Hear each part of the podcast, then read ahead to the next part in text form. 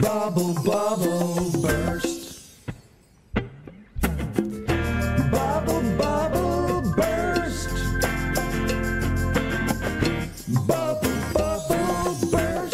Hjertelig velkommen til en ny episode av Boligbobla TV. Og denne gang skal vi selvfølgelig ta oss gjennom januarprisene i boligmarkedet. For hvor gikk boligprisene i januar 2024 er det selvfølgelig knyttet stor spenning til. Og det er det selvfølgelig fordi tross store bevegelser i boligprisene gjennom 2023, så endte året med en liten oppgang på 0,5% Riktignok etter den gamle historikken, men med, med den nye historikken som vi publiserte med brask og bram denne uken, så viste oppgangen eh, på 0,9% altså en liten endring der. Litt sterkere. Eh, Men den moderate utviklingen til tross, den, eh, det er nå stor spenning til hvordan boligmarkedet skal videre. Er det nå det snur? Og får vi fortsatt den vanlig krappe oppgangen i boligprisene i januar, også kjent som januareffekten. Vi lodde stemningen før slipp av Eiendom Norges boligprisstatistikk klokken 11. Og for å gjøre det, så har jeg fått med noen flotte gjester her i studio. Eh, Kent Viktor Syverstad, hjertelig velkommen til deg. Administrerende direktør i eh, Eiendomsmegler 1, Oslo og Akershus. Og ikke minst, eh, hva skal vi si, legendarisk eiendomsmegler. Høyt og lavt i mediene. Eh, Anders Langtind, privatmegleren Ullevål, hjertelig velkommen til deg. Tusen takk. tusen takk. Vi må begynne da litt med, med deg, Kent Viktor. Altså, Vi er i boligmarkedet hver, hver eneste måned her i Eiendom som vi liker å si. Eh, men det, våre medlemmer de er her eh, hver eneste dag. Hvis du, Før tallene kommer klokken 11, hva er forventningene? Ja, nå er det jo noen som når de hører at jeg er her, så tenker at nå kommer han spåmannen som skal spå boligprisene ned. Er det Dr. Doom? Dr. Doom. Og det vil jeg jo absolutt ikke være. Det vil jeg ikke være. Men, men jeg må jo si at ut fra din, den cocktailen da, som, som boligmarkedet har blitt servert etter pandemien, så, så var i hvert fall all teori jeg hadde lest, som tilsa at liksom, boligprisen skal nedover. Så jeg hang meg litt opp i det. at jeg tenkte at ok, det, det, det Du, du har vært, altså, du har hørt på Harald Magnus? går jo, vi sitter jo i samme, samme skal konsern. Nei da, men jeg, jeg har ikke, egentlig ikke det. Men det er mer den følelsen som du har hvor du kjenner på det daglige. Kundene blir engstelige, psykologien trekker det nedover. Og så kommer liksom seg, forrentningen. Oi, oi, oi, det kommer enda flere renteøkninger, enda flere renteøkninger. Eh, Så, så jeg er ekstremt positivt overrasket over hvor sterkt boligprisene har stått i en periode hvor jeg Og det er du vel ikke alene om? altså Alle er jo overrasket. så, nei, så, og det har vært eh, som sagt en, en, en positiv uh, reise. og Spesielt vi lever jo av volum. Det er hyggelig at boligprisene går opp og ned. Og det er jo en eh, myte vi egentlig bør bruke litt tid på å drepe. altså Eiendomsmeglerne, det er jo ikke sånn at de lever av at boligprisene stiger. De lever jo av at folk flytter. Absolutt. Og henger det gjerne litt sammen, da, men, men altså det, det stabile markedet er jo det beste. Det, din styreleder Grete Meier, eller styreleder i Norge og direktør i Privatmegleren har jo alltid sagt at uh, stabilitet er jo det beste. Og det er drømmemarkedet. ja. Nei, og det, det, det har jo vært uh, bra stabilitet i det norske eiendomsmarkedet over mange mange år. Nå har jeg snart 30 års erfaring, så, så, så med noen, noen hele unntak så har jo det egentlig vært helt vanvittig bra, et vanvittig bra boligmarked. Det som vi blir litt satt ut av, er at folk hele tiden nå sammenligner seg, spesielt eiendomsmeglerne, da. En del yngre eiendomsmeglere sammenligner seg at ja, men det var jo veldig, veldig, veldig bra i 2020 og 2021. ja. Og det var ikke normale år i realiteten. I hvert fall for oss som har vært med noen år, Anders. Og det ser du på statistikken også. Men, men hvis vi, før vi går til Anders, altså uh, rent konkret, januar. uh, hvordan har markedet vært etter deres, din omfatning. Som du nevner, så sitter jeg for Oslo og Akershus, slik at det er kanskje greit å poengtere. Ja, så ikke jeg absolutt, begynner å snakke for hele, hele landet. Men, eh, men altså Oslo, så vil jeg si at Oslo er tilnærmet likt et uh, normalmarked. Altså se, se bort ifra liksom pandemisituasjonen, men, men altså normalmarked. Uh, det er uh, overraskende mye budrunder på liksom de mindre enhetene. Det er etter, eh, hva skal jeg si, etter årsskiftet, så vi, mot slutten av fjoråret, så merket vi at det, liksom, stoppa opp. og Vi trodde det kanskje kom til å vedvare litt inn i året her. Men veldig raskt inn i januar så opplevde vi at uh, rimelige boliger i Oslo, hvis det går an å si det er kanskje litt uh, dårlig uttrykk, men, men boliger da fra 3 millioner, hvis det finnes, opp til liksom seks-sju millioner kroner, så, så ser vi at eh, det er vanvittig press på det. Og det er jeg skal ikke ta, det er Noen ganger er det både 30, 40 og 50, og du ser, jeg har sett helt opp i 70, men vi har i hvert fall hatt 30-40 på, på flere visninger. liksom. Jeg sier ikke at det er normalen, men det er bra med folk på visningene, og det er budrunder på en stor andel av de mindre enhetene. Og så ser vi også det at, eh, at i starten av året så var det kanskje grensen gikk, det er vanskelig å liksom måle akkurat en grense, for det er liksom også da bydeler innenfor dette her. Men, men liksom når det begynte å være over 10 millioner, så begynte det å være treigere. Men vi ser også det er kanskje ikke så rart litt eh, renteutviklingen heller. Absolutt, men vi ser også en tendens til at det er mer bevegelser på det nå, i hvert fall i forhold til hva det var, eh, var før, eh, før nyttår. da. Ja, det, er, det mange spennende ting å ta tak i her. Men, eh, men Anders, altså, jeg følger jo deg på, jeg er venn med deg på Facebook. Altså, Ja. Det er ingen helg uten visning. Det er helt riktig. Altså, Er det noen som holder hva skal si, visningstakten høyt, så er det deg. Ja. Uh, hvordan har uh, følelsen vært denne måneden? Januar? I januar? Nei, det har vært bra. Kent Victor har jo vært inne på det. Men jeg syns vi begynte å oppleve det litt grann sånn når vi kom mot oktober-november i fjor. Det var flere mennesker på visning. Eh, selvfølgelig I dette eh, segmentet med sånn 4-6-7 millioner kroner, så blir jo veldig mye solgt uansett. ikke sant? Det har vært normalt. Men det som begynte å endre seg litt, var at vi begynte å få mer besøk på disse boligene som kanskje lå ute til 10, 12 og 15. Uh, og det, det I Oslo, vel å merke, Ja, i Oslo, vel å merke.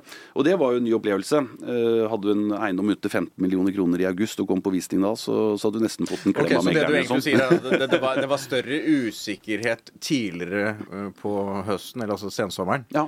enn det det var utover høsten? Er det Ja, det du sier? Utover høsten så begynte det å slippe litt, følte jeg. Og når vi kom til uh, oktober, ja, si november-desember, så begynte det å bli liksom veldig mye mer menneskepåvisning. Bra med budrunder og bra med fart, og det har vi jo absolutt dratt med oss inn i januar. da. Eh, så januar har vært veldig bra. Eh, og det er vel eh, nesten alt som har, vi har lagt ut i markedet, i hvert fall på kontoret vårt på Ullevål, har blitt solgt i løpet av januar. Det, det har det blitt. Så jeg tror de tallene som, som kommer nå etterpå, tror jeg nok vil vise en, en liten positiv økning. Det tror jeg. Så du- sånn som du så vurderer, så er det, det er ingenting som skal rokke ved den sedvanlige januareffekten? Nei, jeg tror egentlig her. ikke det. Eh, og så, ikke sant? Men det har jo vært en utrolig unormal situasjon når du har liksom her 14 rentehevninger. Eh, og jeg er jo helt enig uh, med Kent Victor. Hadde tror- vi bare sett på renteøkningene, så skulle vi liksom lagt Da ned. skulle vi vært ned 20 Da skulle- pluss, ikke sant? Eh, Men det er nok, man blir nok reddet litt av det med fraværet av produksjon av nye boliger og tilskudd av nye eiendommer til markedet. da. Men så er det nok det som har vært en stor effekt også. Husk at de som har kommet på visning da, eh, i fjor eh, Hvis du kom på visning, så ble du plutselig stående og prate med han eiendomsmegleren alene en time. Ikke sant? Og da ble du superredd. Bare fordi du tenkte OK, jeg har egentlig lyst til å kjøpe dette huset. Men det kommer jo ikke noen folk på visning, så da får jeg ikke solgt mitt eget. Ikke sant? Og Mellomfinansieringskostnaden er ganske høy, så det har nok holdt folk litt igjen. Og så får du en litt annen psykologisk effekt når du kommer på visning nå. da, ikke sant? Og Vi har opplevd det samme som Kent Victor sier, at uh, plutselig så har du 20-30-40 stykker på visning. Og da blir det jo en sånn effekt at å fy fader, her er masse Oi, ja, kanskje ikke det er så Folk vanskelig å få går i flokk. Ja, ja, nei, men man gjør det. ja. Eh, og så er jo mediene sin makt òg, da. Ikke sant? Hvis de hele tiden skriver at det skal ned, så vil jo kanskje folk begynne å tro det. Eh, men i forrige uke nå så begynte vi å få noen positive overskrifter. Det var vel E24 eller VG som hadde denne 'Fikk endelig solgt', var overskriften. Og der var det et par som hadde holdt på siden august, og nå fikk du tilnærmet lik prisantydning. Så Men det, men det er jo ikke så veldig overraskende egentlig for folk som har vært i dette. Altså, det, det snur alltid i januar. altså, altså, altså, dere har jo holdt på med dette i flere tiår. det Altså, det, er jo, det er jo noe med også, Det er jo merkelig hvor hvor, hvor stabile de sesongmønstrene er. Altså Når det kommer et nytt år, og Ja, ja. etter liksom det mørke desember, hvor det er få transaksjoner, for folk er opptatt med andre ting. og så med en gang det kommer til nyåret, så skal folk flytte. Eller Ja. altså utløse den flyttebørsen. Det er rart med det, egentlig. ja. Ja, men så er det også noe med det, tror jeg, at uh, Kalle den unormale situasjonen vi har vært gjennom da, med alle disse rentehevingene. Uh, så tar det litt tid før vi alle sammen tilpasser oss, før denne unormale situasjonen plutselig blir den nye normalen. Og så tilvenner man seg liksom eh, Kall det kostnadsbruk og boutgifter og alt ut etter det, da. Og nå hørte jeg på radioen på vei hit at lønnsveksten i fjor var jo på 6 eh, Det er klart at det, er- det, er jo noe folk også. eh, glemmer, er jo det at den lønnsveksten har vært veldig veldig, har vært veldig- Altså, altså, nei, Ikke målt mot inflasjonen har den jo ikke vært god, men i nominelle tall så har den I jo vært god. nominelle tall har vært og, bra. og man har jo da 6% på toppen av det man hadde fra før. Ja. Så, så altså, i så kroner og øre så er det jo mye. altså, Det er ganske store regionale forskjeller som det alltid er i Norge. Altså, nå, Ja, jo, Anders, jobber, Oslo, Anders og jeg har Oslo-markedet, ja. eh, Oslo. mm. Og, og det er klart, det kan jo hende noen sitter der ute og hører på dette her nå og tenker at eh, nå må de bare roe seg ned, for at det er ikke sånn det er her jeg er. Vi ser jo eh, vårt søsterselskap, også eiendomsmegleren i Innlandet, de opplever ekstrem uh, altså tørke på, på salg. altså Det tar masse tid. I bruktmarkedet. ja. I bruktmarkedet, ja. Eh, Og, og det er mange som tar av boligene, altså av kundene som ikke De får ikke solgt og tar det av og må vente. Eh, Så, så Innlandet, som kanskje normalt sett er det området som har minst konjunkturer, både opp og ned, har for første gang i hvert fall Opplevd noe konjunktur, ja. Mm. Ja, de, de har for første gang Har det vært en- god vekst i boligprisene på Hamar da, gjennom en lang periode, selvfølgelig? Absolutt. altså De har jo fulgt markedet generelt sett, de også. Men de har liksom, selv under finanskrisen eller liksom disse øh, Store konjunktursvingene. Så har de egentlig gått ganske klar unna. Det, det går sakte ned og sakte opp. Men denne gangen så er de truffet ganske tøft, øh, etter det jeg hører, da, som med, med med, med våre folk som sitter der. Og Vi merker jo det, vi er jo Akershus, og når du, jo lenger nord i Akershus du kommer, hva skal jeg si, opp mot uh, Eidsvoll og så videre, så, så, så blir forskjellene ganske store. Også. Det er ganske mange boliger der sånn som, uh, som blir liggende lenge. Og der vokser også og, volummessig, så vokser det. Vi, Men altså det vi så gjennom høsten når det gjelder konkret Akershus, var jo det at det, det bygde seg opp en veldig stor tilbudsside i bruktboligmarkedet i Akershus gjennom høsten. Hvordan er på en måte det utviklet seg nå i januar? Nei, altså den, det, det vedvarer, det. Vi klarer ikke å selge. Men faktisk så selges det prosentuelt. da. Så jeg tror Nå får jeg stå innenfor de tallene vi har, men jeg mener vi selger ca. 10% mer i Akershus. Mens vi selger mindre prosentuelt i Oslo. Slik at Da sammenligner jeg med januar i fjor, og, og januar altså måned for måned. Så er det prosentuelt mindre salg i Oslo, og så er det prosentuelt flere salg i Akershus. Men det er, det er kanskje er, logisk når det er en såpass stor tilbudsside også. Helt riktig. ikke sant? Det er en voldsom portefølje som ligger ute da i Akershus. Uh, nå er det vel, Jeg lurer på om det er rundt 5000 usolgte enheter ja, i Akershus. liksom. Det er, det er mye. Hvis det da er to, det er dobbelt så mye som i Oslo, tror jeg. Ja, kanskje. det har jo vært, altså Historisk har det vel, altså, så vidt jeg har sett, aldri vært så høy tilbudsside på bruktboligmarkedet i Akershus. Som Men når de da begynner å bli solgt, der gjøres det prisjusteringer, da. Ja, det gjøres. Det er en kombinasjon både prisjusteringer som man prøver underveis, men så er det jo også sånn at det er jo ikke alle som må, uh, må Det er ikke alle selge. som må selge, nei. Og heldigvis er vi jo ikke i den situasjonen. altså Nå, nå, nå er jo, begynner jeg å bli gammel, uh, Anders, men, men jeg er jo ikke så gammel at det liksom jeg husker ain't nothing but a number er mitt motto, altså det må jeg si. Altså, med bankkrisen på liksom 90-tallet. Liksom. Jeg begynte jo som megler da i 95, så jeg hadde jo etterdønningene etter egentlig tvangssalgssituasjonene som Ja. kom da. Som, som, og jeg jobbet ganske mye med tvangssalg da. Da var det jo eh, katastrofefolk. Altså Folk ble jo tvunget til å selge Et av mine sterkeste barndomsminner det er faktisk da min bestevenn da jeg var tolv år, fikk sitt barndomshjem solgt på tvangsstasjon. Og jeg var til stede da de, han fikk beskjeden. så, så så, det er klart at det der var heftig for mange Så vi er veldig langt unna den situasjonen. da. langt, og Eh, det, med, med, og og det, er- det er helt andre spilleregler på alle mulige plan. Mm. Men, og en helt annen økonomi. Åpenbart. Men det er som du sier, altså en ting er jo lønnsveksten som dere er innom, og, og renter. Men, men, men øh, den øh, inflasjonen som har vært, også prisveksten generelt sett, det er jo tøff for folk. Mm. Det er jo sånn at, øh, altså Jeg kommer jo også fra Sparebank1 og hører jo at øh, det er, øh, det er nok flere som sliter der ute enn det vi liksom media De står ikke fram og sier hei, hei, hei, Nei, se på er meg, jeg er sliter. det er nok også- et stort eh, tabu også med å stå frem med det, det også. Jeg fikk jo selv eh, e-post fra idrettslaget hvor det var sånn Ja, det er mange som sliter, men ikke, ingen som tør å si det. Derfor har vi opprettet et Ja, ja. fond til, til familier som ikke har råd til å betale kontingenten. Mm, Så, men altså, mm, det er jo helt åpenbart, og det har jo også mm, økonomisk analyse vist, det er vel rundt 10-20% av befolkningen som, som er slitere eh, reelt sett, og det er jo betydelig andel av befolkningen, selv om det store segmentet, si, Mm. det som er de som er i midten, har klart seg veldig bra. Absolutt. Men, Absolutt. men men, for å ta koblingen til, til også når dere, dere driver med, det er jo nybyggsmarkedet. Mm. Altså, vi har jo nå hatt uh, et dramatisk uh, fallende salgstakt i nyboligmarkedet siden sommeren 2022, og vi bundet jo da ut med de tallene som da boligprodusentene nå produserte forrige uke, var det for 14 dager siden. Mm. At vi har nå hatt det svakeste nyboligsalget siden da ja, Siden andre verdenskrig, har vi sagt, men i hvert fall siden målingene startet. Siden 70-tallet, kanskje. Altså, det er virkelig Mm. Ser du noe lysning i dette Ja, det, altså, sjiktet? det si at, uh, som sagt, da, når det er 30 år i den bransjen, så begynner det å nærme seg 30 år. Så, Ja, men det er jo det- viktig det- erfaring dette, du dette besitter, Er det, dette er det verste jeg har sett, det jeg ser nå. Og jeg kjenner at jeg blir skikkelig engstelig for det. For at eh, vi, mister, eh, vi mister kompetanse. Vi mister Vi kommer til å bli et underdekt behov eh, i lang tid framover. Og det er jo lite som tyder på at det kommer til å gå raskt tilbake igjen. Ja. Altså, eh, vi sitter med en avdeling på Vi er vel åtte, åtte nyboligmeglere, da. Eh, normalt sett så selger vi et sted mellom 500 og 700 boliger i, altså nye boliger i året. I Oslo og Akershus, da? I Oslo og Akershus, ja. Eh, og i fjor så solgte vi da under 200. Altså Ja. eh, 60, Seks, 70, ja. 60 70 lavere enn det som er normalen. Uh, og vi sitter jo med en portefølje som er så stor som vi aldri har sittet med før. Så, så vi har liksom 2000 enheter i porteføljen vår. Det er alltid fra noe som er helt klart til noe som er på På kontrakt, ikke sant? Så det er, det er hele rangen. Men det er voldsomt mye, for vanligvis så sitter det er dobbelt så mye som vi normalt sett uh, hadde sittet med. Så det bygger seg opp. Og så er spørsmålet som Ja, men det kommer vel en eller annen gang?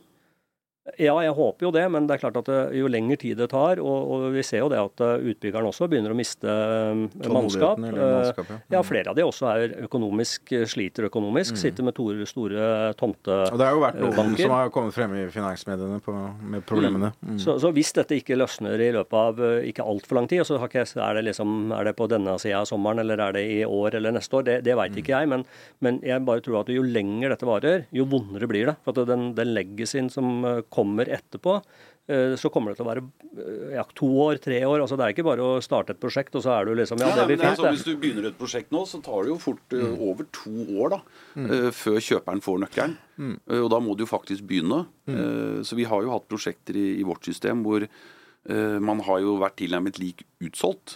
men så allikevel så har ikke eierne av prosjektet valgt å begynne å bygge. Eh, men det er På grunn av usikkerhet. Mm.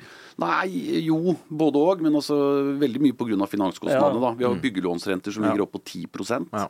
Altså vi, vi snakker morarenter på. Ja. byggelån, liksom. Ja, før vi også hatt prosjekter som har blitt kansellert, rett og slett, fordi at, at eh, det har ikke vært eh, finansielt forsvarlig. da. Ja. Altså, risikoen er for stor, rett og slett. Ja.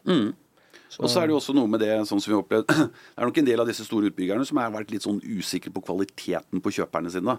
En ting er om, ikke sant, Hvis jeg skriver kontrakt på en eh, treromsleilighet i dag, da, har du faktisk mulighet til å gjøre den opp om to år? Når jeg står der ferdig. Så, så det har nok vært en kombinasjon av mye. men jeg er helt enig med Kent Victor. Det der kommer til å bli eh, ganske uheldig, tror jeg. Jeg tror dessverre kanskje vi får et sånn jojo-marked som vi har hatt før. Hvor liksom sånn som vi er der nå, og så plutselig så blir eh, etterspørselen altfor stor, og tilbudssiden og produksjonssiden er tilnærmet lik borte. Og så flyr Og været. det er jo den finanskrisesituasjonen. ikke sant? Ja, ja. Vi tok jo tre år før boligproduksjonen da ja, Eller boligsalget tok seg opp igjen, og Ja. boligproduksjonen deretter. Eh, hvis vi ser på Oslo sin del, så er det vel Hva var det ble produsert, da? Pluss minus 1500 boliger de siste årene. Hvor man mener egentlig at uh, Det reelle behovet er vel sagt til å være 3000. være ca. 3000. Altså det, det Pluss hoper seg jo opp Akershus. Men vi har hatt enkeltmåneder hvor, hvor det har blitt solgt sju enheter. Ja, altså syv, på, ja. en, på én måned i Oslo. Ja. Det er klart, Da skjønner du at det begynner å bli tørke. Men, eh, men en annen del av det profesjonelle eiendomsmarkedet er jo det du holder på med, Anders. Altså utleiegårder. og du er Ja. jo, hva skal du si, jeg vet ikke om du er den viktigste megleren av utleiegårder i Oslo. Det er i hvert fall Jeg har i hvert fall det solgt veldig mange boliggårder. Ja. Men, men altså, du har vært ute flere ganger eh, gjennom høsten, eh, og også nylig, eh, at her det er ikke lønnsomt å drive med Nei, det er jo dessverre ikke blitt det. Og derfor selges bygårder nå ut eh, både stykkevis og delt, og, og, og helt. Ja. Eh, vi selger jo noen boliggårder helt, eh, men det er jo eh, et fåtall, for å si det sånn. For det er jo vanskelig å selge noe til noen som vil tape penger på det fra dag, én. Mm. og derfor så har man jo sett at eh, en god del av de store og mellomstore leilighetsbesitterne de velger å selge ut én og én leilighet. Mm. Men da tar jo dette lang tid, gjør det ikke det? da? Altså, tar ikke veldig lang tid. Det det? har en gård nede på Skilbekk nå som jeg er så godt som ferdig med. Det har tatt tre måneder å selge ok, og alle da har du delt opp da Ja. enhetene? Mm, så det går fort. Ok, så det går, du selger ikke Det går fortere enn det man skulle tro? Altså. Ja, det, det går fort. Eh, og markedet absorberer jo disse små leilighetene. Veldig mye av det som er i utleie, er jo sånne mindre type to og små trerommere. Mm. det har jo ikke vært lov til å bygge i denne byen i åtte år. Så har det liksom akkumulert seg sånn kjempeetterspørsel. Eh, husk at Oslo da, eh, består jo av altså 50% av Oslos befolkning er jo singelhusholdninger. Og de som har styrt byen i åtte år, de har bare tillatt oss å bygge 30% småleiligheter. Så allerede der så blir det et stort gap, da. Ikke sant? Så, eh, så det selges jo dessverre ut masse utleieboliger. Eh, og det kommer jo dessverre til å gå fryktelig ut over leiemarkedet, da. Nei, for du, du, du er ikke overrasket over nå, da? Vi la jo frem vår leieprisstatistikk. Jeg var egentlig litt Og der snakker vi 20% opp ca. roughly på to år, da. i Ja, det er jo historisk har vi aldri sett den, så i hvert fall ikke i vår måling. Nei, Noe men sånt. det er nok rett og slett pga. at de som har sittet med utleieboliger, de har vært litt sånn egentlig fornøyd nesten med å bare gå i null. Ja, og så har de sett på at leiligheten stiger jo med 10% i året. Så de har kanskje ikke justert og gjort Og så mye. KPI-justeringen har vært lav fordi KPI har vært Ja. har vært Eh, Så jeg var egentlig overrasket at ikke leieprisen hadde steget mer enn pluss-minus 7 ja. ja. Så du venter egentlig at leieprisveksten skal ta seg opp? Kommer til å gå veldig opp. Jeg tror et eller annet sted mellom 15 til 20% i løpet av 12-18 måneder. Det blir det dessverre. Og husk at vi, vi har jo ca. 1 million mennesker i Norge som leier bolig. Og på et eller annet, altså hva gjør de? De må jo bo, bo et sted, da. Ja, ikke sant? Noen må jo leie den, den, Og så er det jo sånn, boligen. eh, stat, kommune, eh, de bygger jo ikke noen boliger. Så det er sånn, Og Oslo kommune mm, har jo ikke noe særlig innkjøpsbudsjett heller til å plukke opp disse gårdene på kommunal forkjøpsrett. da. Fordi de har jo muligheten til å ta de. Ja, hadde jo, vi, vi hadde jo Eirik Claes Aalberg, byrådslederen, på, på lansering av sykepleierindeksen. Og, og vårt forslag har jo vært eh, å få at de har turnover, altså i den kommunale eiendomsmassen. Mm. For dette Oslo kommune spesifikt eier jo 11 eller 12 000 Boliger, ja. kommunale boliger i Oslo. Men det er jo varierende standard, og de er jo ofte beliggende i utvalgte geografiske områder. Men du kunne jo sett for meg at man brukte dette som et instrument for å få aktiviteten i nyboligmarkedet. Nettopp da ved å bytte ut disse. Altså Mm. kjøpe nye boliger på kontrakt sant? for å stimulere nyboligmarkedet. Vi vet at dette kommer til å bli et, Mm. bli et problem. Hva tenker du om noe sånt forslag? Jeg tenker det kunne vært en god løsning, og den største tomtebesitteren vi har i Oslo kommune, er jo kommunen selv. Eh, Så det er jo mange tomter og områder de helt sikkert kunne gjort en eller annen fremskyndet regulering på, for å bygge mer kommunale boliger, da. Eh, Og det tror jeg blir helt avgjørende, for eh, sånn som det er nå, så eh, de private aktørene i Oslo eier jo flere utleieboliger enn kommunen. Og når vi ser at de private aktørene begynner å selge unna, så på et eller annet tidspunkt så blir det en annen kjempegap. Leieprisene kommer til å stige. Eh, Mange av de som eh, bor i disse kommunale boligene eller andre boliger, de har jo ikke råd til å bo der. da. Hva skjer da? Jo, de må søke bostøtte hos kommunen. Så i en allerede er anstrengt kommuneøkonomi, ikke sant? Så, så det er jo oppskriften på liksom den perfekte stormen. Men, eh, men eh, hva, hva, hva, hva ser du for deg, liksom? De, de kjøperne, da, de, når du selger ut mm. denne bygården, er det nye utleiere, eller er det Mm. Nei. folk som skal altså, bo der som eiere? Som Ja, det, det er eiere. Det er det. Eh, og så er det jo en eh, De aller fleste boligene vi nå kaller det slakter og deler, eh, der stiftes det jo borettslag, så de selges jo etter denne Ja, så du borettslagsmodellen. endrer også strukturen i og for seg i boligmassen gjennom dette Ja, det gjør man. endringene? Ikke sant? du si. Og borettslagsleiligheter kan jo ikke leie ut i prinsippet. Så, så de, de boligene der kommer aldri tilbake på utleiemarkedet. Nei. Det gjør det ikke. De forsvinner. Så jeg tror man må få litt sånn tempo i dette. Men ikke sant? Du kan jo regulere eh, så mye du vil, og gi rammetillatelse til å bygge så mye som du vil. Men som Kent Victor sier, utbyggerne vil jo ikke bygge det uansett. Hvis det sant? For ikke er for dyrt å bygge. hjem, så blir det ikke bygd Nei, ikke noe. sant? Så det blir jo sånn. Nei. Så det, er, eh, så det hjelper jo liksom ikke det heller. Eh, Så nei, det, det blir eh, Jeg tror det blir fryktelig utfordrende for den, for den gruppen fremover. Det er jo nesten 20% av landets befolkning som leier bolig. Ja, Vi ser studentene kommer ut. Nå har jeg et onkelbarn av meg da, som studerer og skal tilbake igjen fra London og inn i Oslo-markedet nå. Og det er jo altså uten foreldre som hjelper til, eller, eller du må finne andre konstellasjoner. Da. Du må flytte sammen kollektiv hvor du må, Ja, det er har være kjøpere som har gjort nå. Ikke sant? To unge karer som Ja, kjøper som- leilighet sammen. For de klarer ikke å komme ikke seg inn. ikke er samboere, de er bare Som ikke er samboere, men som er ja, to har kompiser da, Ja, som må ja, ja. kjøpe sammen. Bare for de Og råd. det har vært historier om det opp igjennom, men det er jo ikke unaturlig at det blir det mer mer og mer. Det blir mer og mer av det, og vi ser også det, det søsken som kjøper sammen. altså foreldre, Når foreldre skal være med og finansiere, da, så ikke sant, hvis du har søsken som er nære hverandre, og de er på en måte i en situasjon, så er det til og med Det er klart, eh, du skal være, ha bra søskenkjærlighet hvis du skal flytte, flytte sammen, men, men samtidig så er hva er alternativet, da? Eh, når det Alternativet er jo det dyre leiemarkedet, da, med antagelig enda Ja, høyere leier eh, og større usikkerhet. Og antagelig. Mm. Jeg har en kunde som har en fin gård borte. Den, ligger jo den på Majorstuen, da, som er et veldig hot, populært område. Så den er jo ikke liksom helt eh, liksom på snittet. Eh, Men for et par år siden så måtte du betale pluss-minus 12 000-15 000 kroner måneden, måneden for en torommer der. Nå får de 23 000 kroner i måneden for en torommer I leie. i leie. Men paradokset er jo at det er jo Det er fortsatt ikke regnet, fortsatt det er ikke pluss, det er fortsatt en minus. Det er fortsatt minus. Paradokset er at det er fortsatt dyrere å kjøpe den. Ikke sant? Hvis du begynner å regne på, på eierkostnadene kontra ja. Og det er jo det Anders Lund i Eiendomsverdi har jo også gjort analyse på det, og da sier de det at leieprisene de må enda mer opp hvis dette Ja, skal Anders Lund var vel ute og mente det at hvis du hadde en toroms som du hadde kjøpt for 4,4 og leide ut for 14 000 i måneden, så tapte du 10 000 i måneden på leien ut. Nei, så, så, så Sett fra en sånn profesjonell investors ståsted, så er dette ganske enkelt. Det er eh, Ja, ja. P- pris over earnings. Men det så vi også gjennom eh, egentlig starta under pandemien, hvor de som hadde sekundærbolig, begynte egentlig å, Ja, å, Og det Og det er jo tatt ut mye, ifølge den tellingen. Det tror jeg er tatt ut mye, også. altså. ja. Og jeg tror på de fire siste årene så er det 7800 sekundærboliger som er solgt i Oslo. Det er vel det Og det er, Ambita var ute betydelig, med. det er betydelig del av Altså det er betydelig reduksjon av stokken, da, for å si det sånn her i Oslo, men også nasjonalt. Mm. Ja. Men nå er jo boligprisstatistikken eh, Tiden går unna. Seks minutter unna, faktisk. Eh, Hva tror du, Kent Viktor? Hva tror du? Ja. Her blir du programleder òg. Nei, altså, eh, Hvis vi tar Oslo først, da, så tror jeg Oslo treffer veldig nære fjoråret. Altså og det som har vært historisk. da. Altså, tre, et eller annet sted mellom tre og fire. Så du, eh, januareffekten, den skal Den, fortsatt være den, ja da, altså De som tror at boligprisen skal ned nå i januar, ut fra den, da det, det Nei, det må, jeg og det må jo legges til at selv uke under finanskrisen, altså januar eh, 2009, så sank boligprisene i januar. De steg. Ja, så det- skal nok veldig mye til for å rokke med dette mønsteret, selv om vi fikk en renteøkning i desember. da, sånn.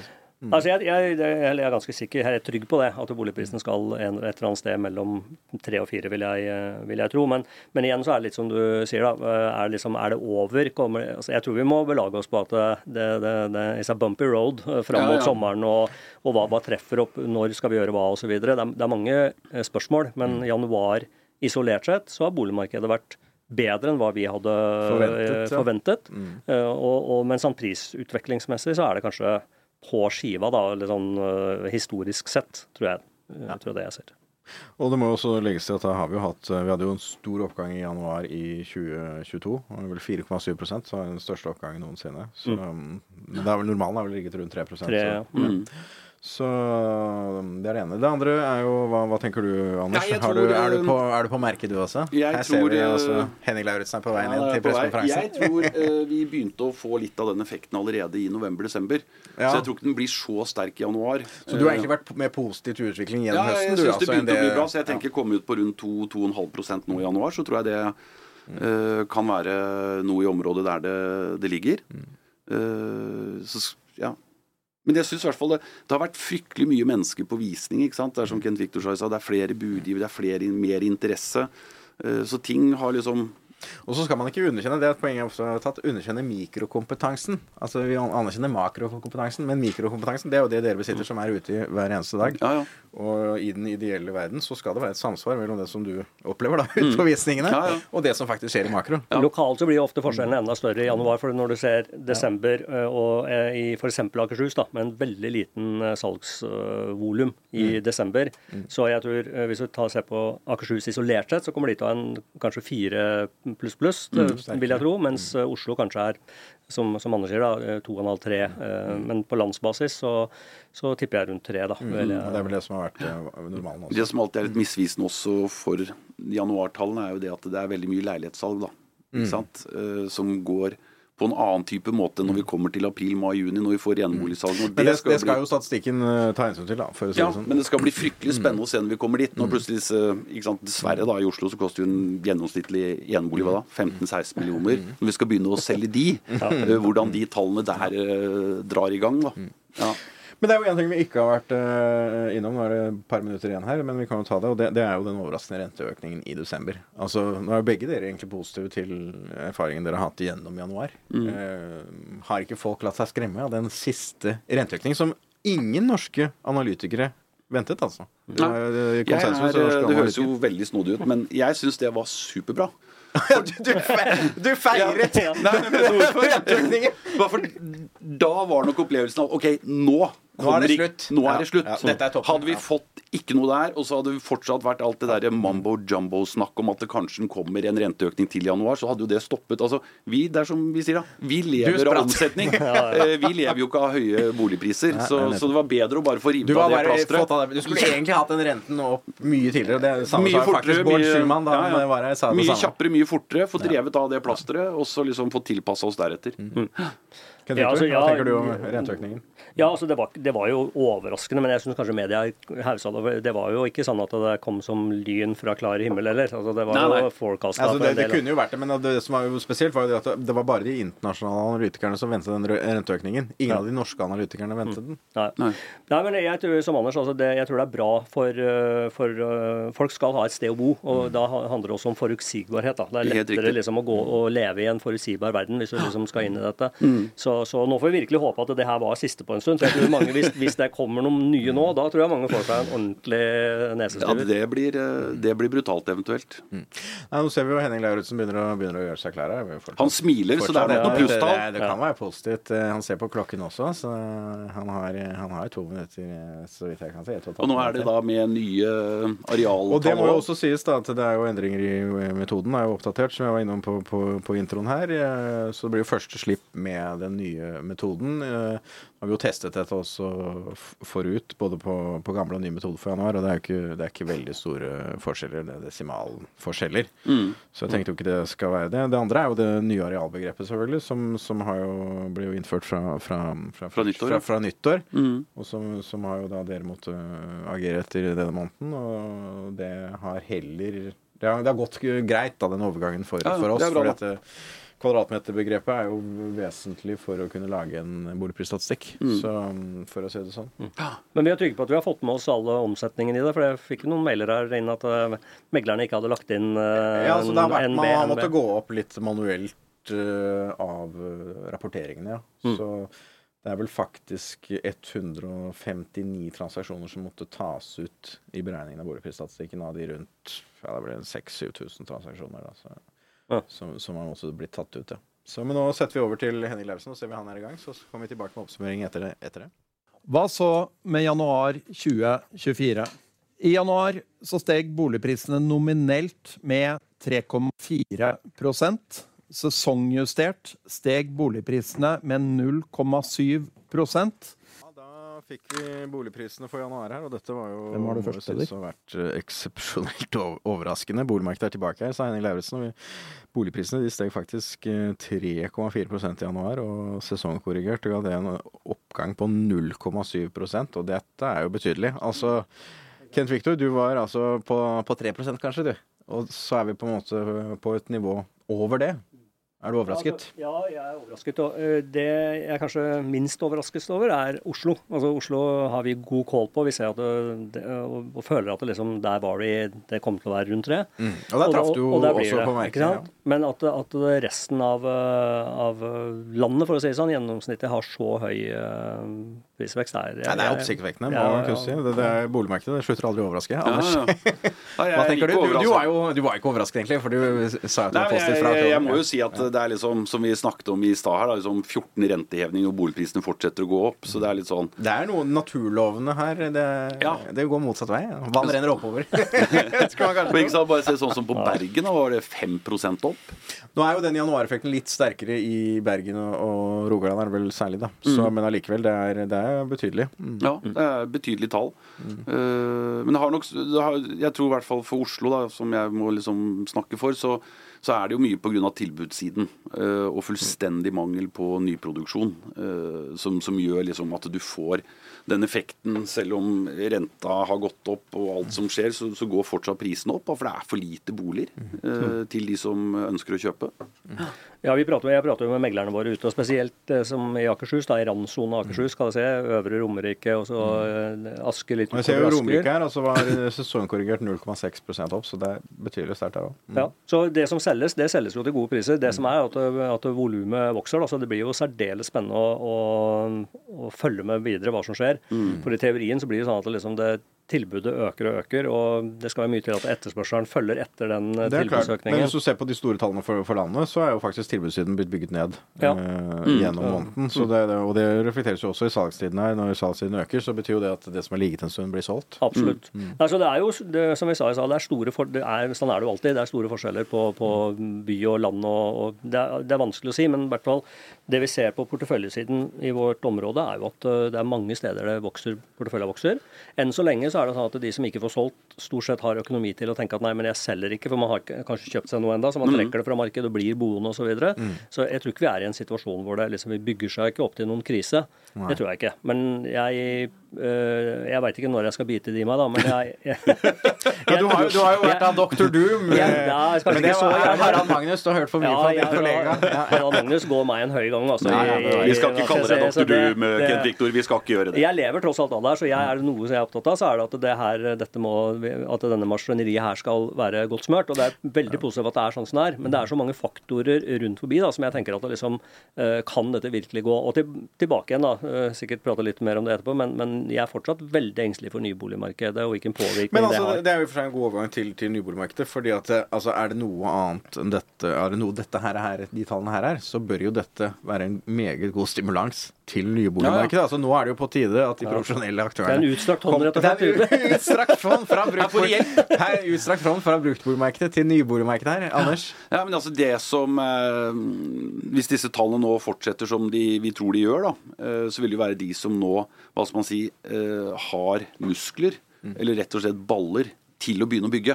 De som faktisk har noen nøkler å gi fra seg om halvannet til to år.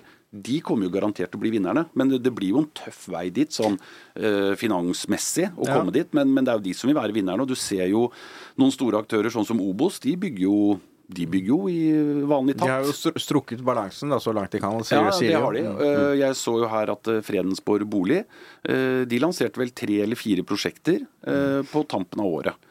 Så, så de ser jo også for seg å begynne å bygge og sette i gang. da. Så, så du ser for deg vinnerne i nyboligmarkedet, det er de som våger nå? Ja, Det er de som våger. Mm. Uh, Dette var vel også, Vi var jo på, på Røisland og Kos eh, frokostmøte hvor de oppsummerte nyboligmarkedet fra i fjor. Det var jo også det klare budskap fra dem. Sett i gang! Eh, Ikke vent! Du har kanskje noe av det samme Ja, nei, jeg, jeg, budskapet? tror at, øh, jeg tror her at nå er, det, nå er det på tide å bevege seg. For Hvis du sitter og venter nå, så kan du jo risikere å komme med en lansering av et prosjekt som, som du burde hatt ute i løpet av en måned eller to, og så venter du til over sommeren, for det er liksom det du har lagt i planen din. Mm. Så, så jeg tror utbyggerne nå øh, skal jeg kanskje øh, vokte meg vel for å være rådgiver for dem, men jeg tenker at Nei, det skal du ikke overta. deg, jeg, jeg, jeg, ser, jeg ser i hvert fall hos oss da, så er det mange som har lagt en plan, og det er jo en godt det. Du legger en plan. ikke sant? Det her er det, og veldig mye av det vi ser, at det skal ut i Q3 og Q4. Og det er, vi har At du, du kan egentlig tenke deg å få til ting før sommeren? da? mye før, altså fordi at man skyver, og det, vi opplevde jo det både gjennom slutten av 2022 og gjennom hele 2023, så opplevde vi at forskyvelser, forskyvelser, forskyvelser Ja, på lansering av prosjekter. Og da er spørsmålet liksom, når er det da lansering? Uh, og, og da tror jeg i hvert fall mitt råd til de er at uh, se på boligprisene, se på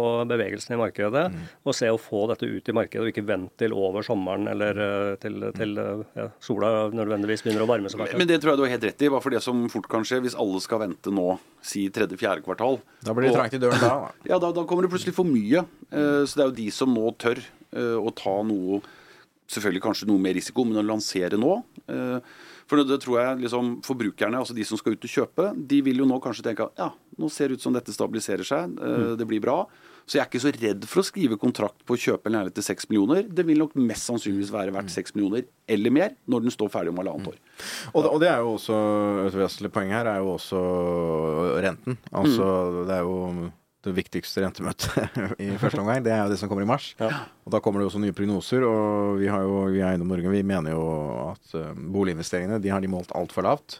Og gitt, hvis vi har rett i det, så, så skal renten ned i mars. For da, hvis ikke oppfyller det ikke målet om stabil produksjon og sysselsetting.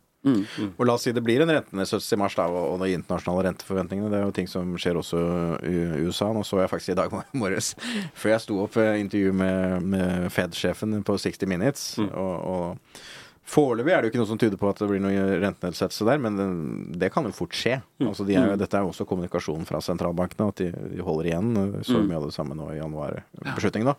Med en rentenedsettelse i mars og positive tall på bruktboligprisene, så bør jo dette kunne snu, kanskje, i Og da er jo spørsmålet hvor utbyggerne er hen. For hvis de skal Ja. sitte og vente Ja. til at den rentenedsettelsen faktisk kommer, og så kanskje vente på en til, slik at du er helt sikre Ja, og da på er det jo at det juni, skjer. da. Da er det jo sommeren der. Ja, og det tror jeg en del, eh, del Og jeg så jo eh, Bård Schumann var ute og sa at det, det blir ikke noen bevegelse før renta går ned. Og det kan godt hende han har rett i det, men jeg tror, når du ser den bevegelsen vi ser nå, så tror jeg kanskje at flere av utbyggerne bør revurdere sin lanseringsstart. Jeg tror i hvert fall eh, det, det innimellom så er, lønner det seg å være ute før liksom, tingene smeller. Det lønner seg å- ofte å være tidlig ute, er det mange som sier. Ja, ja, ja. Ikke for ja. tidlig. Det kan være en fordel å være en first mover, men eh, også er jo risikoen ganske lav da, for utbyggeren ved å lansere. Mm. Eh, ja, kanskje salget ikke går like fort som man trodde, men så, så lenge salget Så du har det der i Ja, så, så, så man bør i hvert fall få presentert i markedet, få det ut der og si at her har vi et nytt prosjekt. Mm.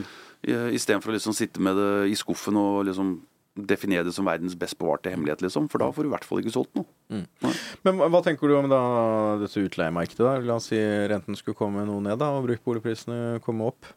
Blir, Ja, da blir jo- blir, det, blir det mindre for deg å gjøre, da? Eller? Nei, det tror jeg snarere tvert imot. Ja. For uh, da vil det jo være enda mer attraktivt. Så lenge disse boligprodusentene, utbyggerne, ikke produserer, Mm. så er det jo verdens mest geniale tid å slakte og dele på. Mm. For ikke sant, De dekker jo nå opp hele det der underskuddet som, uh, som ikke Mm. Som kommer som egentlig nyproduksjonen skulle, hadde ja. Mm. stått for. Så det er jo en helt genial tid å slakte og dele på. Og hvis, eh, så jeg får jo nesten overbekjent, Viktor, at de sitter litt for lenge stille i båten, så vi kan få slakta og delt unna så mye som mulig. Ja, jeg ser den. Jeg ser den. Men vi skal se litt fremover da, på bruktboligprisene. Det var dette veldig sterke tall vi, vi hadde her. og Det er det jo også i januar, men det er sterkere. Men eh, la oss si februar, mars, våren. Frem mot påske, da. Hvis du skulle tenke litt eh, prognose frem mot påske. Nei, jeg, jeg, jeg, skal, jeg vil ikke være pessimist, for det, det, er, det er det ikke noe grunnlag for når vi ser de tallene her. Men, men jeg tror det går sidelengs. Jeg tror, liksom, jeg tror nå har vi den januareffekten som vi har, og så er kanskje enda litt sterkere enn det vi hadde Eller det, utvilsomt sterkere enn det vi hadde trodd. Uh, samtidig så er det jo ikke endringer i de underliggende faktorene som vi vet at det ligger der, hva i være seg renter og kostnader og you name it. slik at eh, jeg tror vi må forvente at, eh, at på nasjonal basis så vil det være forskjeller på, på områder.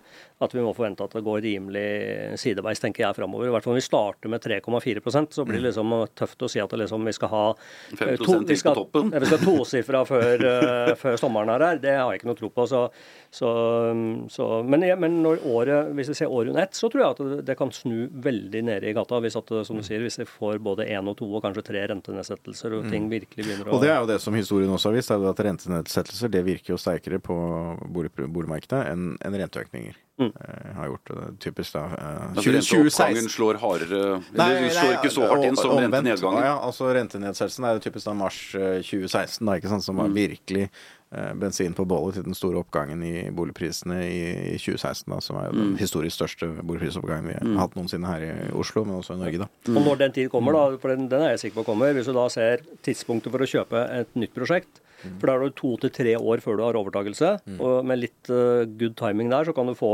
snitt på 7-8-10 ja. avkastning i de åra du bor der, samtidig som at du sitter på den boligen du har kjøpt, som du også har en, en økning underveis Ja, ja. fram mot de åra. Det kan jo bli et så det kan bli en veldig god, eh, en god investering for de som skal ha en sånn oppførsel. Og du da, Anders, hva tenker du om eh, frem mot påske? Nei, jeg tror eh, eh, dessverre når vi kommer oss mot sommeren, så kan det godt hende eh, Og da får jeg lov til å si at jeg håper nesten jeg tar feil, men det kan godt hende det tallet begynner å nærme seg tosifra. Med den mangel... Nå snakker jeg bare for Oslo, da. Men pga. denne manglende produksjonen. eh, utbudet er overraskende lavt. Så hvis det fortsetter sånn, og eh, hvis Eiendom Norge får rett i sin prognose at vi kanskje får en rentenedsettelse i mars måned en eller annen gang, så kan det dessverre bli litt bensin på bålet. da. Og da får man jo dette jojo-markedet som man kaller sant? Prisene skyter opp. sånn som Vi husker jo 2016. ikke sant? Oslo var opp 23% Hva skjedde, skjedde året etterpå? Nei, gikk ned var det- var vel 8 eller ti eller noe sånt. Ja, 8-10 så, Og det er jo ingen tjent med, for det skaper jo bare Nei, og Den stabiliteten kommer jo av øh, altså, den manglende produksjonen, eller altså ustabiliteten på tilbudssiden. Ja, ny, ny Og da, hvis, hvis det fortsetter sånn som det kanskje gjør fremover nå, så kan det kanskje være at du ser et tosifret tall da, når vi kommer til sommerferien. Jeg er helt enig. Hvis, at det, hvis det ikke kommer noen nye boliger ut Ja, i ja. markedet, så, så er det jo ikke noe Altså, Nei. folk skal jo bo, og det, folk flest skal bo i Oslo, hvis vi ser uh, Ja, ja. Sentraliseringen er sterk, ja. Mm. Da, Ja. Nei, så det må, Oppfordringen må være må få ut noen nye boliger Få ut de i- i markedet. Begynn å bygge. Ja. Det jeg tror det gjelder flere steder i landet. Så det, nå kjenner ikke jeg liksom alle, alle byer og til steder, men jeg Men det er klart at Oslo skiller seg ut fordi at produksjonen av bolig, nye boliger har vært veldig eh, volatil her, og lav over lengre tid. Altså i Trondheim, Bergen, Tromsø, Sørlandet eh, og også Rogaland nå kommet til også, så har jo produksjonen vært mye jevnere. Selv, eh, selv i Rogaland hvor da boligprisene var flate hva skal du si, i ti år, da. Fra, fra roughly fra oljebremsen til begynnelsen av 20 20-tallet, så har det vært bygd mye. Ja.